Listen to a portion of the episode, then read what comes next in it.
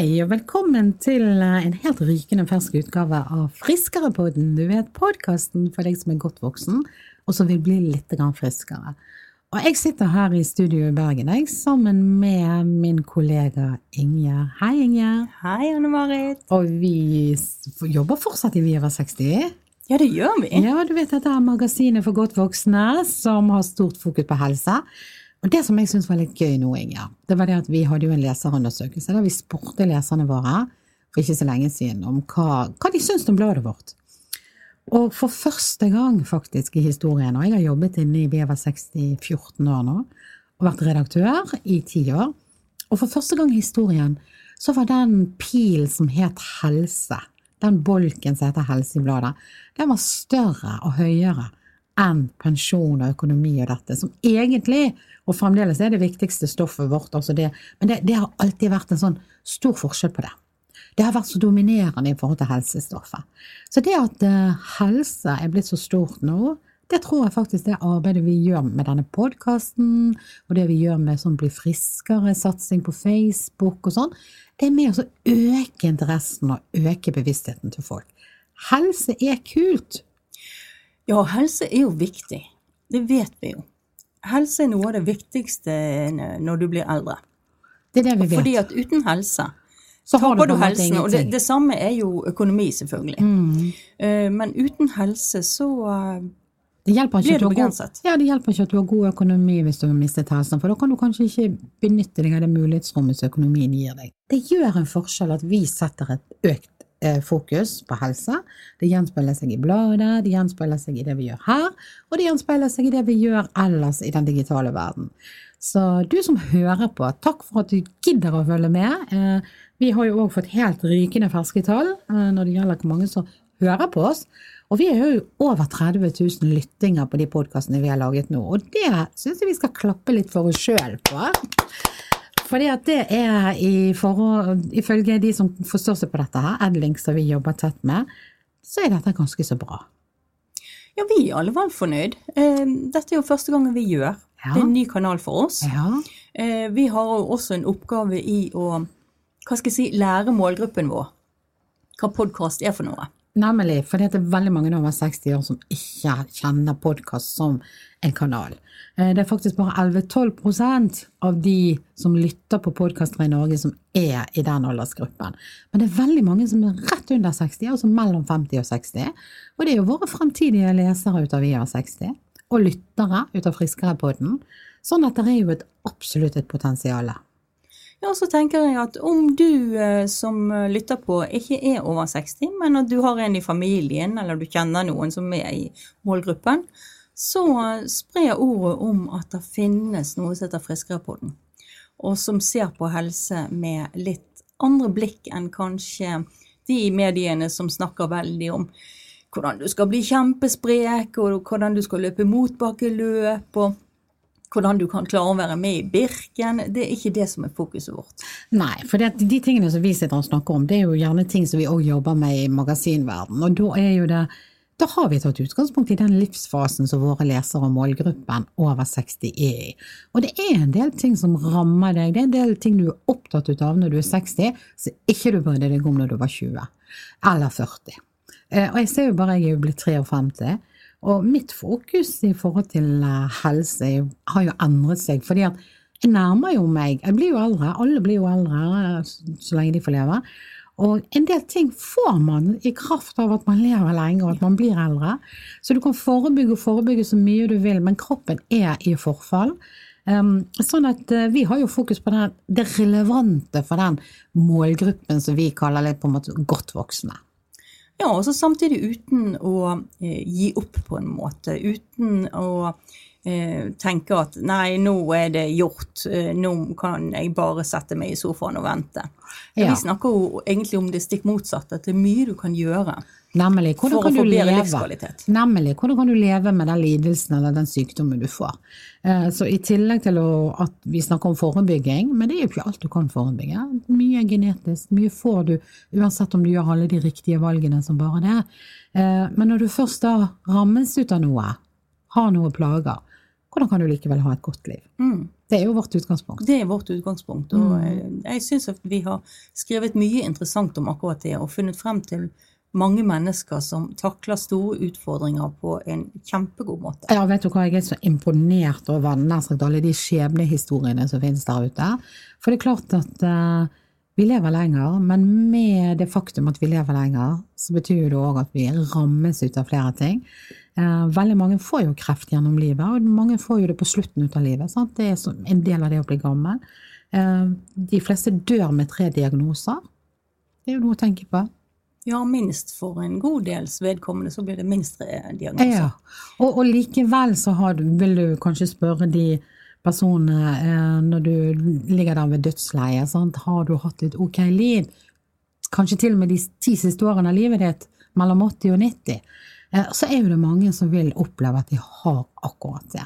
Og det er jo det perspektivet vi har. Sant? Benytting av det mulighetsrommet som finnes der ut ifra det ståstedet du har.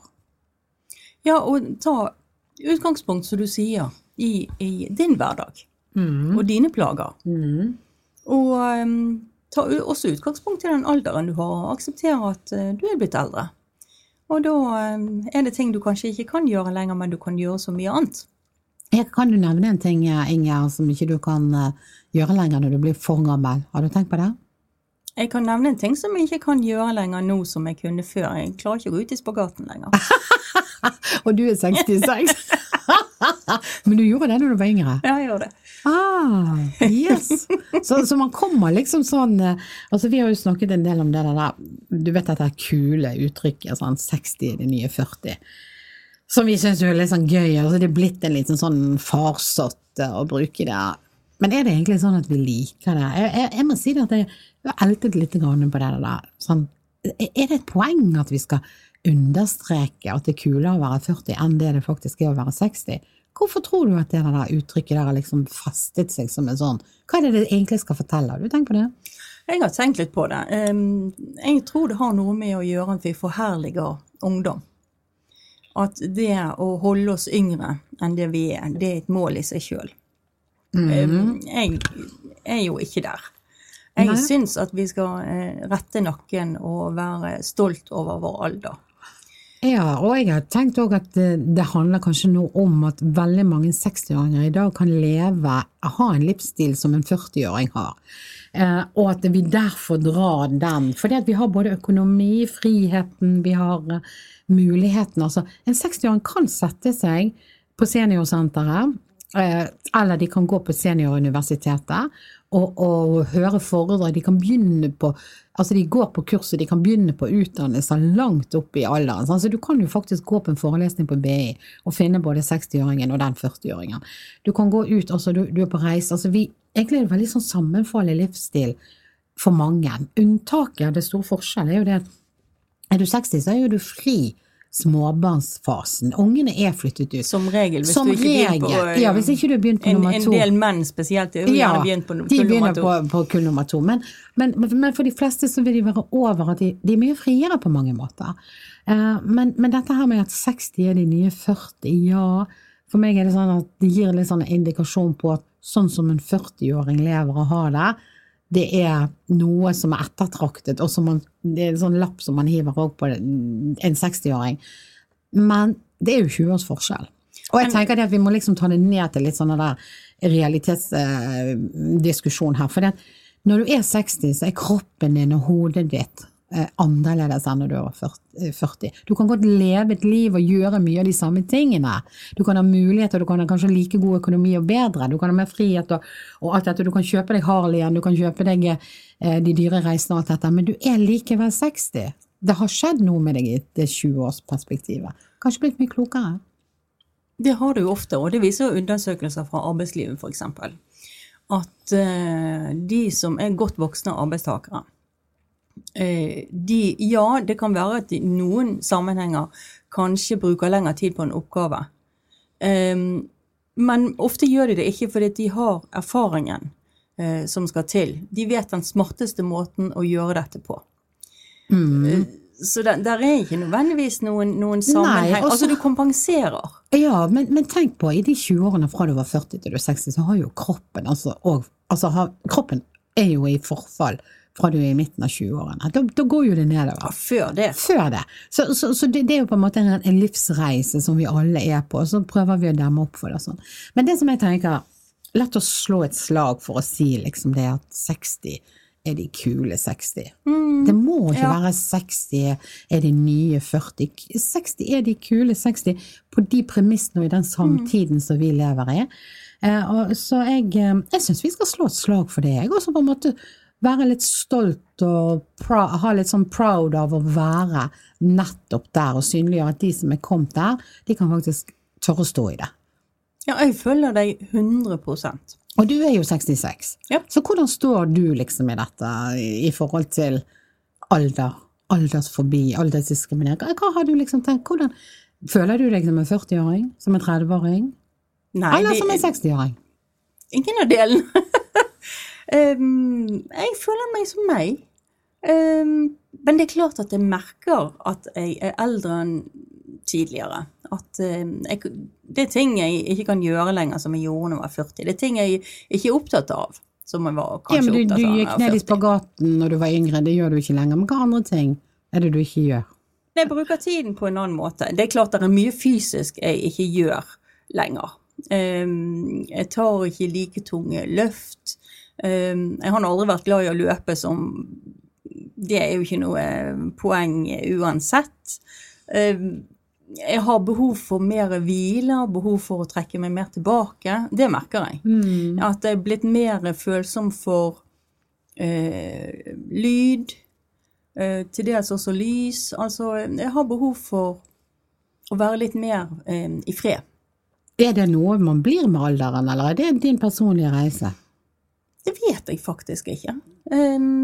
Der var en som jeg intervjuet om eh, ensomhet, som sa at eh, etter hennes oppfatning så var det et behov som kom.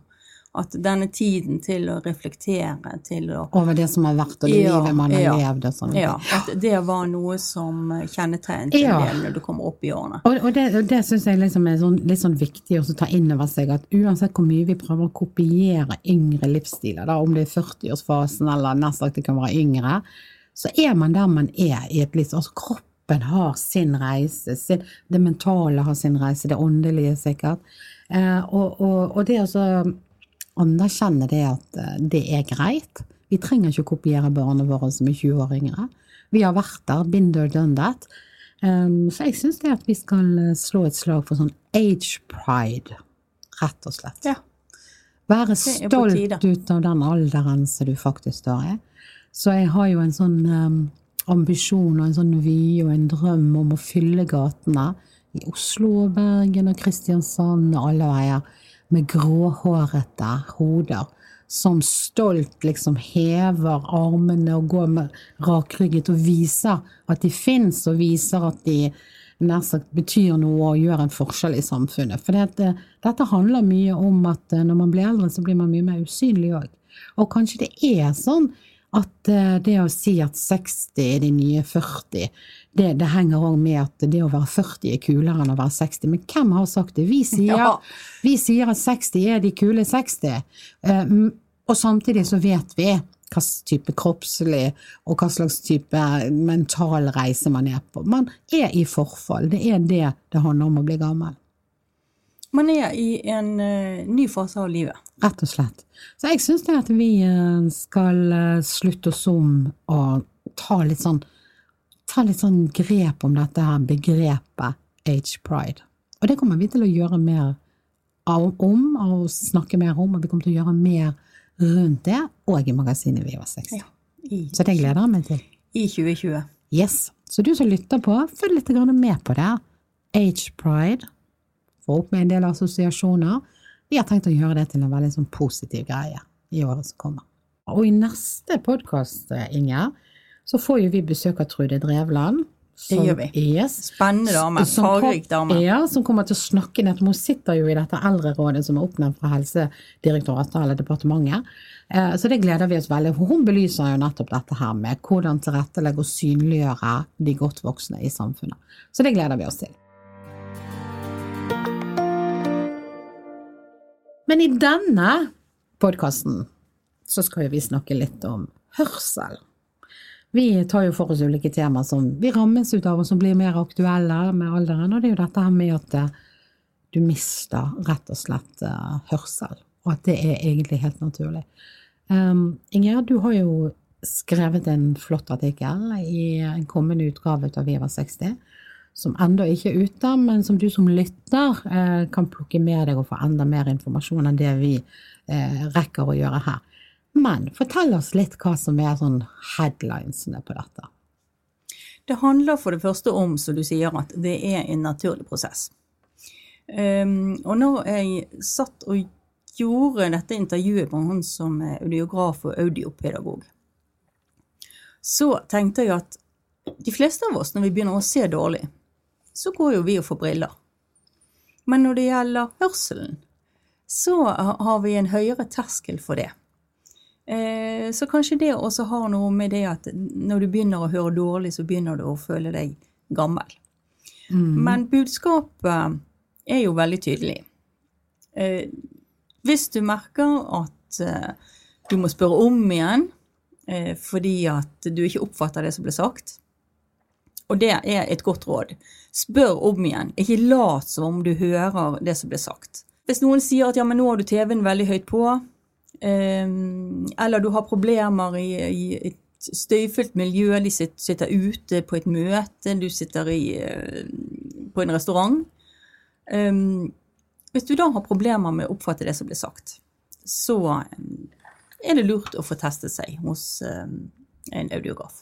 Men det du er egentlig inne på nå, det er jo det, altså det høres ut for meg som om at det er fremdeles tabubelagt, dette mm. med å erkjenne at man mister hørsel. Ja. Er det sånn du opplever det? Ja, det, ja fordi det er på en måte Du har det bildet av han syvende far i huset med hørehornet. Ja. Som eh, Det er som sier, liksom, sitter oppi hornet og sier sånn hæ, hæ, ja. Akkurat. Det, det assosieres med virkelig med alderdom i mye større grad enn briller. Altså synet, mm. for dette rammes i mye tidligere Ja, og du kan få masse kule briller og ja. Men du verden så mye kult hørselsutstyr det finnes. Ja, det har jeg faktisk hørt. At du får nå rett og slett designmessig. Fortell litt om det. Altså, det, For det første så har du jo sånn inni øreapparater. De, de syns altså ikke. Eh, du kan få de eh, tilpasset til hårfargen din. Du kan gå motsatt vei og få en kul farge, sånn at du fremhever den, hvis det er det du vil. Eh, så har du i tillegg en fjernstyring på det høreapparatet, for det, det er jo eh, digitalt, selvfølgelig. På, på mobilen din? Ja, både i, i, tillegg så har du mobilen. Det er liksom en tilleggsgreie. Da har du en app på mobilen. Sånn at du kan legge inn forskjellige modus, alt etter hva um, omgivelser du er i. Du kan koble mobilen rett inn på høreapparatet, sånn at lyden kommer rett inn. Akkurat. Mm. Eh, så det helt... Så det har vært en, en, en revolusjonerende utvikling. Ja. For du ser for deg sånn fra, fra sagt tidligere dager, så var jo øre Altså den type høreapparater var jo veldig store. Eh, klumpete, de var vanskelig å sitte fast i øret og sånn. Her har det skjedd noe. Her har det skjedd noe stort. Og jeg husker jo de store, klumpete høreapparatene fra min far som var tunghørt. Det er jo den assosiasjonen de fleste vil ha. Så i dag så får du det nesten som små ørepropper. Ja. Som om det skulle være sånne musikkpropper. For det, det, som slår meg, det er jo det at når du går ute, og jeg har nettopp vært i New York på en lesertur med, med våre lesere, det er nesten ingen mennesker som går i New Yorks gater uten å ha en propp i øret. Eh, og det vet jo vi, det er jo mye eh, eh, små, sånne små høre, altså mikro, eller høremikrofoner, fordi at de har eh, en iPad eller en eh, mobiltelefon med seg, har en trådløs propp i mm. øret og går og snakker. Altså, jeg, jeg, uten å ha gjort det sånn statistisk, dette, så vil jeg si at syv av ti gikk med noe i øret. Um, Gjør ikke det det enklere for de som, har, eh, som er avhengig av høreapparat? Jo, det gjør det. Garantert. Fordi at det blir såpass vanlig med denne her dingsen som mm. Eh, mm. Men et annet råd, det var det at um, du skulle ikke vente for lenge. Altså til hørselen din var blitt eh, virkelig dårlig. For det tar en stund å venne seg til. For et, et høreapparat det forsterker jo all lyd i utgangspunktet. Så det tar en stund å venne seg til uh, at, du, at, du, plutselig kan høre? Ja. Altså lyden, ikke det å ha proppen i øret. Nei, nei, nei. nei, nei. Nei. Det at hjernen må lære seg å sile ut de lydene som ikke er vesentlige. Altså, du kan jo tenke deg, det er jo alltid en tilvenning når du har fått nye briller. Med sterkere glass, eller du har fått progressive glass. Ja, så du har annet. egentlig den samme prosessen, men dette Ja. gjelder med hørsel. Ja. Men, men hva er Altså det å miste Du sa innledningsvis her at det er vanlig, helt normalt å miste hørselen med årene. Hva er det som egentlig skjer? Det er en aldringsprosess i øret også. Du har sånne fine, fine, fine små um, flimmerhår nærmest inn- inne i indre øre. Eh, små celler som er de som fanger opp lydene. Og de, de stivner og blir ødelagt etter hvert. Er det en Sånn slags forkalking, da? Altså tettes de igjen? Nei, det, har, nei det, det er bare det at de, de, de ødelegges som en del av en aldringsprosess. Så er den sansen som heter hørsel, sant? det er jo den vi snakker om, den, den har en naturlig Så det, det vil egentlig ramme de fleste, da, hvis de bare lever lenge nok. Ja. Det skjer jo med hunder, sant? de mister jo òg hørsel. Altså det, det er veldig sånn typisk sånn aldringsprosess. Å ja, du har en hund på 16 år, det er jo helt naturlig at den hører dårlig. Det er litt sånn med oss òg. Når, når du møter en 90-åring, så er det naturlig at de har en dårlig hørsel. Ja. Det vi kan liksom oppsummere med så langt, det er sånn du er ikke veldig spesiell hvis du er godt voksen og hører dårlig. Dette skjer med de fleste. Det gjør det. Ja. Og så er det det å anerkjenne eller konstatere at man faktisk hører, for det er ikke alle som oppdager det. Nei, eller rettere sagt, de bortforklarer det. Ok? Eh, ungdommen snakker for fort, eh, du snakker for lavt. Der, der er alle mulige forklaringer på hvorfor de ikke hører. Fordi at du vil kanskje oppleve at du er i en sånn én-til-én-samtale, eller med få til stede, hører helt fint. Men når du kommer i mer krevende miljøer, så eh, har du større utfordringer.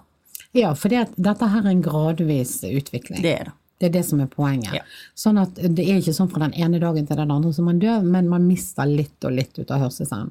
Eh, hva, hva er det de um, som du intervjuer, forteller om den prosessen? Hvor fort går den? Hva er det som påvirker? Eh, kan man stoppe det på noen slags måte? Nei, det eh, kan man sannsynligvis ikke. Fordi at, fordi, at, ja, fordi at det er en aldringsprosess, som du sier. Eh, det betyr også at det varierer veldig fra person til person. Eh, du kan ha sykdommer, du kan ha vært utsatt for eh, støypåvirkninger gjennom jobben f.eks., som kan gjøre at du har fått skader i øret, som kan gjøre at du hører dårligere. Mm. mange musikere var i hvert fall tidligere utsatt for det. Og de fikk vel tinnitus òg? Ja. Ja. Tinnitus er det mange som har. Mm. Tinnitus er gjerne koblet til eh, sviktende hørsel. Så når du merker, eller når du får konstatert, og du merker sjøl at du har eh, redusert hørsel, så er det ikke noen quick fix på det. Altså du må rett og slett ha det som kan hjelpe deg, eh, det er et høreapparat. Eh, når det er aldersrelatert, så handler det egentlig om å akseptere og venne seg til situasjonen. Ja, og leve med det og få en hverdag til å fungere med det. Og det kan du helt utmerket godt gjøre. For det som skjer hvis du ikke gjør det, hvis du nekter å innse at du begynte å høre dårligere, så vil du eh, automatisk trekke deg mer og mer tilbake. Du vil unngå sosiale settinger, selvfølgelig. Ja, for dette med isolasjon er jo en følgesvenn til dårlig hørsel i mange Ja. sammenhenger. Det er det. Isolasjon og depresjon. Ja. Så det er det gjort undersøkelser på som viser at det er en kobling. Fordi at uh, man føler seg sosialt ubekvem, Ja. og derfor så trekker man seg Ja. tilbake. Og, og det er jo vi, eh, I Vi over 60 så har jo vi eh, ganske mange leserturer i året, over 100. Og noen er jo vi med på av og til sjøl. Og jeg var jo, jeg observerer jo da i en del sånne sammenhenger mennesker som, som virker eh, veldig sånn ut, utilpass i en gruppe, eh, uten å nødvendigvis eh, si noe om det. De virker litt sånn ensom ulv og trekker seg litt ut av gruppen og kjører litt sitt eget løp og sånne ting. Og, så jeg da, og det er nesten uten unntak at jeg registrerer det. Og så eh, hadde jeg denne samtalen eh, med denne mannen som satt utenfor restauranten mens alle andre var inne og spiste. Og som da satt der, så sier han at du syns sikkert jeg er veldig rar, og du har sikkert lagt merke til at jeg trekker meg ut av en del situasjoner. Det er ikke fordi at jeg egentlig er så original og sånt, men jeg hører så dårlig at eh, det å sitte med bord og være sosial når det forventes når du reiser på sånn gruppetur, så forventes det at du skal være sosial. Han klarte ikke å levere på det i det hele tatt. Og når vi var på restauranter og var ute og spiste, så eh, var jo støynivået på de stedene vi var på, eh, så høy at han fikk ikke med seg noen ting. Så jeg har jo nå, eh, som sagt, nettopp vært i New York, og der måtte jeg ved flere anledninger be restauranten om å ta ned musikk i restauranten. Eh, og det Jeg ser jo det at du nikker, bare sånn at dere hører det. Jeg nikker veldig ivrig. For dere kan ikke se det. Men, men, men det, eh, det har slått meg at dette måtte jeg gjøre flere ganger. Og det er jo ikke bare bare. Og når du er på hard rock på Times Square, og du er ute med 20 stykker som er eh, 65-70 og oppover, og så ser du det, at eh, dette blir så vanskelig å være i. Det er ikke bare bare å få serv, altså disse, andre, altså disse her eh, som serverer oss og sånt, eh, til å gå bort og skru ned på den knappen, for det er jo en del av imaget deres å ha høy musikk og sånn. Men de gjorde det faktisk, og det gjorde en kjempeforskjell. Det var jo Ja, så det dette her, altså dette her, hvis man blir bevisst akkurat det faktum som vi snakker om nå, at hørselen blir dårligere med alderen, så kan du òg mye lettere spotte en del situasjoner når du er med grupper med eldre, eksempel. Så eh, ja, dette med isolasjon, depresjon, dette med å føle at en faller utenfor et slags fellesskap, en får ikke med seg hva som skjer. Ja, og så er det det du nettopp peker på, dette på restauranter. Vi omgis av veldig mye lyd. Eh, også på steder der jeg tenker at er dette nødvendig? Må den bakgrunnsstøyen være der hele tiden? Eh, hun er intervjuet, vi satt på en restaurant her i Bergen, og da var det ganske få gjester. Det var, og det var ganske rolig bakgrunnsmusikk. Men eh, når jeg spurte henne, så sa hun at jeg ville nok ikke sittet her eh, når her er fullt.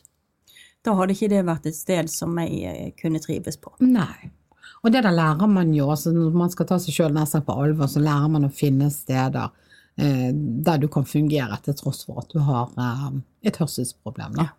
Eh, hvordan eh, eh, defineres det som et hørselsproblem, eller hva er det man sier? Er det. Hørselstap. Ja, et hørselstap. Nedsatt hørsel. Ja, og hvis man har en, eh, en mistanke om at man har det, noen har sagt det til deg, og du registrerer det litt sjøl, er det fastlegen man går til? Først fastlegen, ja. Så henviser han videre eh, til en hørselssentral eller en øre-nese-hals-spesialist. Så blir du undersøkt der, og hvis de da finner ut at du vil ha nytte av et eh, høreapparat, så eh, får du det tilpasset, og så får du det eh, gjennom Nav. Ja, for, det, det får du faktisk dekket, og byttet dekket. ut med jevne mellomrom. Ja, hvert sjette år kan du få nytt. Ja. Ja. Så det er jo en fantastisk ordning, for ellers så altså Jeg vet ikke, et sånt moderne høreapparat eh, koster jo et eh, femsifret beløp i alle fall. Så det, så det er veldig gode støtteordninger, eh, i motsetning til eh, briller. ja. Og tenner. Og tenner, Ja. ikke minst. Så hørsel har vi faktisk, altså det tar vi på alvor, Ja. så det hjelper vi med. Men eh, i ca. 70% av alle høreapparat som var forskrevet gjennom Nav, eh, eh, det er til mennesker over 65. Ja. Så det viser jo også at dette er eh, et aldersrelatert problem. Men det viktigste, tenker jeg, er her miljøfaktoren. Altså, som jeg sa, har du jobbet på en støyende arbeidsplass, eh, eller har du brukt eh, mye høy musikk? De er jo litt redd for unge, sant? Som går med disse pluggene og hører musikk hele Ja. tiden. Og du, du har sikkert opplevd det du også. Eh, sitter på bussen eller bybanen, og så hører du nesten musikken til han som sitter ved siden av, selv om han har um, øretelefoner på. Ja. Mm. Og da tenker jeg, skal jeg nå dulte i han og så si du ødelegger hørselen din? Så blir du hun der gamle på 66, ja, sant. så du gjør ikke det? Jeg gjør ikke det. Men, men eh, det Ja, så vi kan egentlig på, altså vi kan påvirke sjøl. Noe kan, vi, ja, ja. noe Altså- kan vi påvirke sjøl. Og vi kan påføre oss sjøl, egentlig. Ja. En, en type skade som vi må betale for seinere i livsløpet. Eh, og dette får du ørebetennelser, eksempel, eh, enten du er liten eller Får du gjentatte ørebetennelser, så kan du risikere at eh, det går utover hørselen din. Jeg tror jeg må gå og sjekke hørselen min, jeg. Så hvis du som hadde mange ørebetennelser som eh, lite barn, altså som barn, så er du mer disponert for nedsatt hørsel. Og det, det forteller jo meg det at det blir jo det neste vi kommer til å snakke om i x antall podder, det er det at vi får konstatert. Ikke bare må man bruke briller, men man må også ha høreapparat. Jo, men det er litt interessant, sant? fordi at um, da får du skader altså i tidlig alder, det er det det, det handler Du kan få. Ok. Det, det er ikke sagt at du, du får, men du kan få. Du er mer disponert, eh, disponert for det. Ja, for dette, Ja. altså, hvis du har hatt en betennelse, så kan den gjøre skader i øret. Akkurat. Men det er, det er ikke sikkert. Det er, sannsynligvis er det gått bra. Jeg kan stå bak ryggen din og hviske noe. og hvis du ikke hører det, så må du gå og få testet hørselen.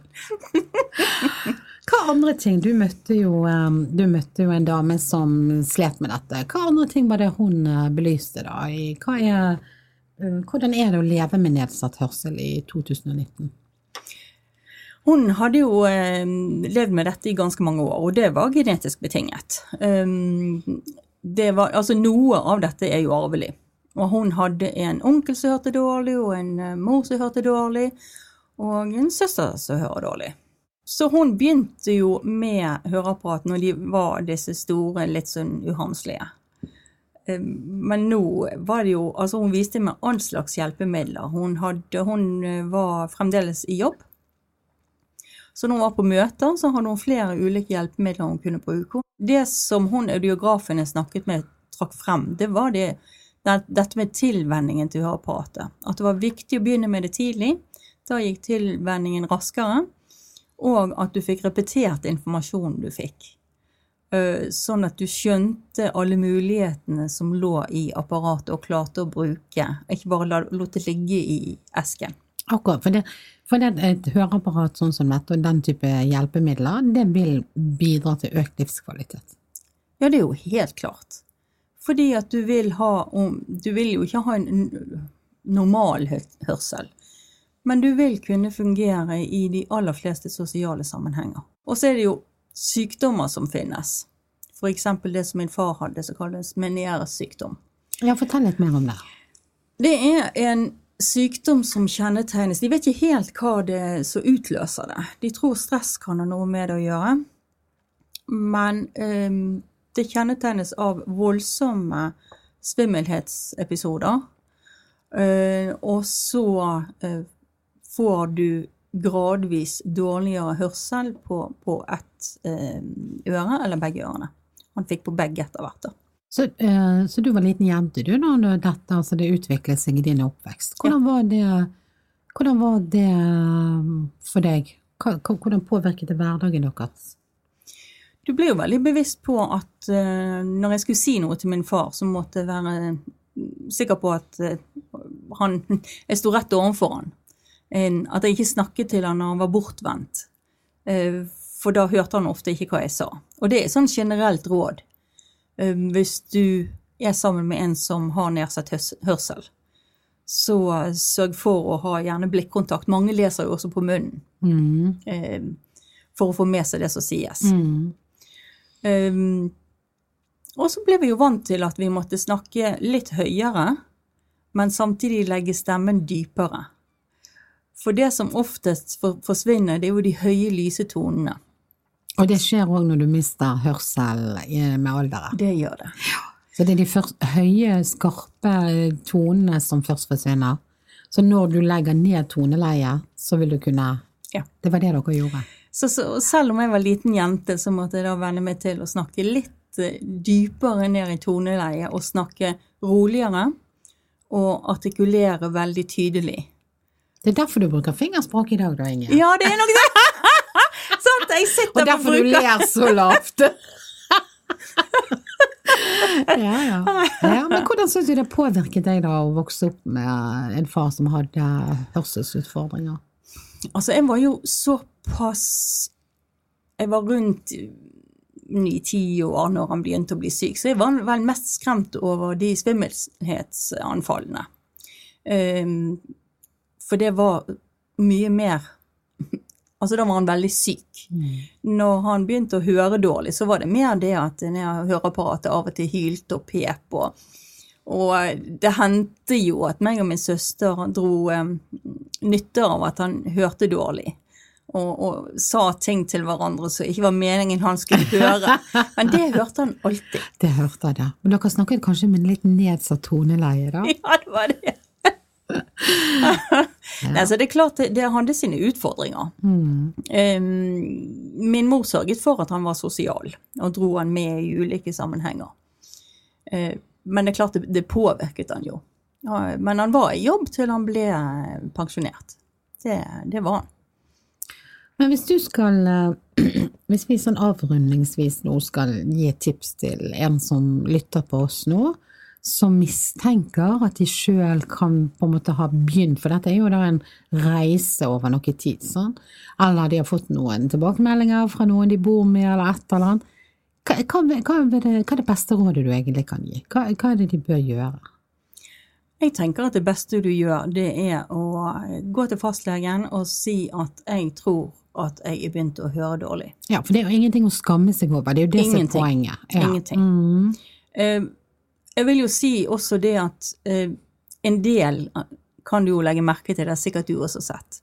En del av de som begynner å høre dårlig, de hører gjerne dårligere på det ene øret.